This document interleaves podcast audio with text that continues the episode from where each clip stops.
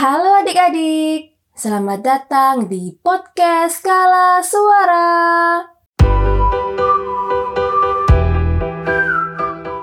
Kali ini kakak punya cerpen untuk kalian. Di akhir cerita kakak nanti, kalian temukan apa amanat atau pesan yang kalian dapatkan dari cerita ini.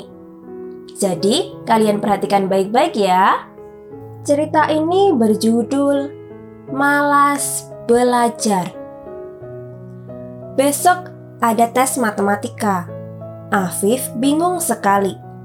Ia sama sekali tidak ingat materi yang akan digunakan untuk tes. Afif benar-benar malas. Ia tidak pernah mengerjakan PR sendiri, apalagi belajar. Tak heran sekarang ia bingung sendiri karena tak ada satu materi pun yang diingat. Sekarang Afif duduk melamun di depan meja belajarnya. Ia baru saja dinasihati Bunda. Bunda melihat buku penghubung dari wali kelas Afif. Di sana tertulis, jika hari Selasa besok ada tes matematika, Afif perlu diperhatikan dalam belajarnya agar nilainya tidak jelek lagi. Wah, karena itu Bunda langsung menasehati Afif dan menyuruhnya belajar lebih giat. Kalau nilai Afif jelek lagi, Bunda akan panggilkan guru les untuk Afif. Begitu kata Bunda. Aduh, itu artinya jam belajar Afif bertambah dong. Ia tidak mau. Tuh kan, ia malas sekali. Padahal itu untuk kebaikannya sendiri.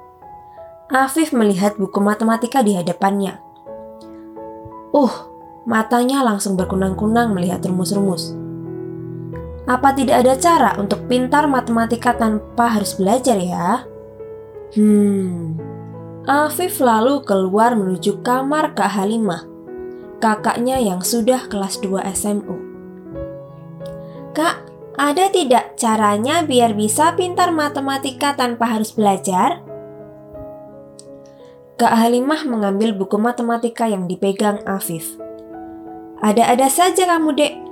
Kalau mau pintar ya harus rajin belajar. Apalagi matematika, kita harus tekun berlatih soal-soal. Yah, Afif lihat satu halaman saja sudah pusing, Kak. Apalagi latihan soal. Ya udah deh, Afif tanya Kak Yuda aja. Afif lalu ke kamar Kak Yuda. Di dalam, Kak Yuda sedang mengulang hafalan Al-Qur'annya. Kak Yuda masih kelas 2 SMP, tapi ia sudah hafal 13 juz. Kak, Afif mau tes matematika nih, tapi Afif nggak mau belajar. Ada nggak sih caranya biar Afif tetap dapat nilai bagus? Wah, gampang sekali, Viv. Latihan soal, kalau ada yang tidak mengerti, baru tanya ke kakak atau Kak Halimah. Hmm, sama saja harus belajar dong. Kalau begitu, Afif kembali ke kamar saja. Loh, Kak Yuda geleng-geleng kepala melihat sikap adiknya. Afif duduk lagi di kursi meja-meja belajarnya. Huff, gimana nih? Masa harus belajar sih? Begitu pikirnya. Tak lama Afif lalu tertidur. Ia bermimpi sedang tes matematika. Ia lancar sekali mengerjakannya. Pasti ini karena aku meletakkan buku matematika di bawah bantalku tadi malam. Begitu katanya dalam mimpi. Ia mendapat nilai 100, nilai tertinggi di kelas. Teman dan guru pun kagum padanya. Afif lalu terbangun. Loh, Ternyata hanya mimpi. Apa nanti malam aku taruh saja buku matematika ini di bawah bantal ya? Agar besok aku bisa mengajarkan tes tanpa belajar. Hehehe, aku memang hebat. Ujarnya tersenyum-senyum sendiri.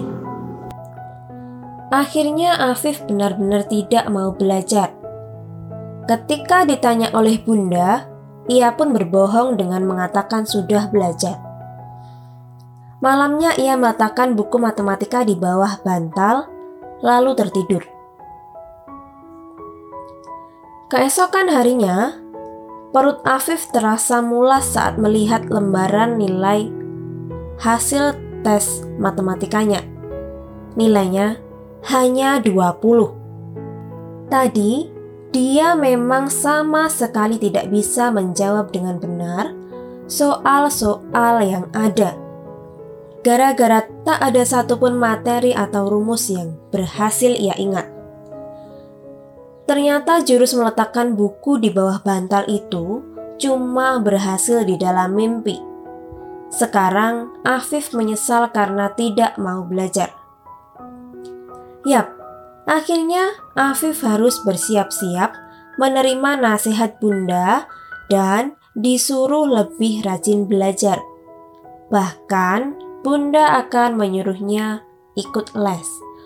Wah, Afif kapok ia tidak akan bermalas-malasan lagi, apalagi mencari cara yang aneh-aneh agar pintar. Pokoknya tidak lagi deh. Nah, itulah cerita pendek dari Afif yang bertemakan dan berjudul Malas Belajar. Bagaimana adik-adik? Apakah kalian sudah menemukan pesan dari cerita ini? Apa saja pesan yang dapat kamu dapatkan dari cerita ini? Cerpen ini menceritakan tentang seorang tokoh yang bernama Afif yang malas belajar. Padahal besok dia akan menghadapi tes matematika.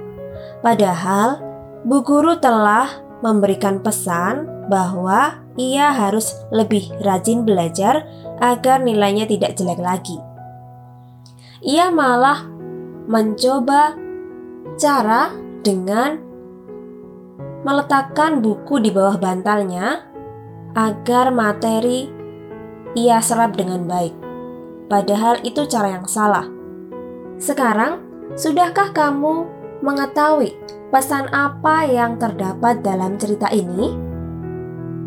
Ya, dari cerita ini kita mendapatkan amanat atau pesan bahwa agar menjadi pandai, kita harus belajar dengan sungguh-sungguh.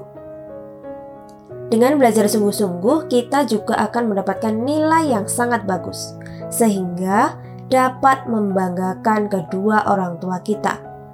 Tidak dengan menggunakan cara-cara yang tidak benar. Cerita ini diambil dari majalah anak-anak. Oke, terima kasih sudah mendengarkan podcast hari ini. Sampai jumpa di episode selanjutnya.